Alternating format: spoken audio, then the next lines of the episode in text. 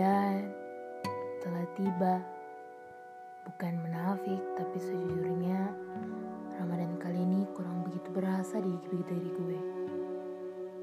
Kemarin-kemarin sejujurnya begitu semangat gue. Ya mungkin adalah cara Tuhan untuk menguji sebagaimana keimanan kita. Eh kita, keimanan gue maksudnya.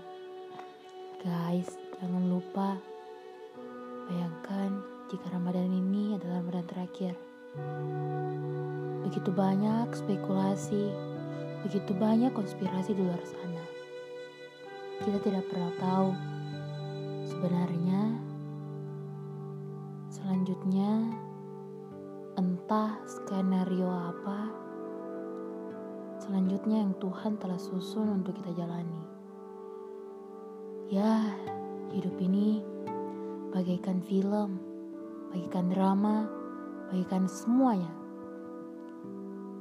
Yang di mana ya udah tinggal nikmatin aja.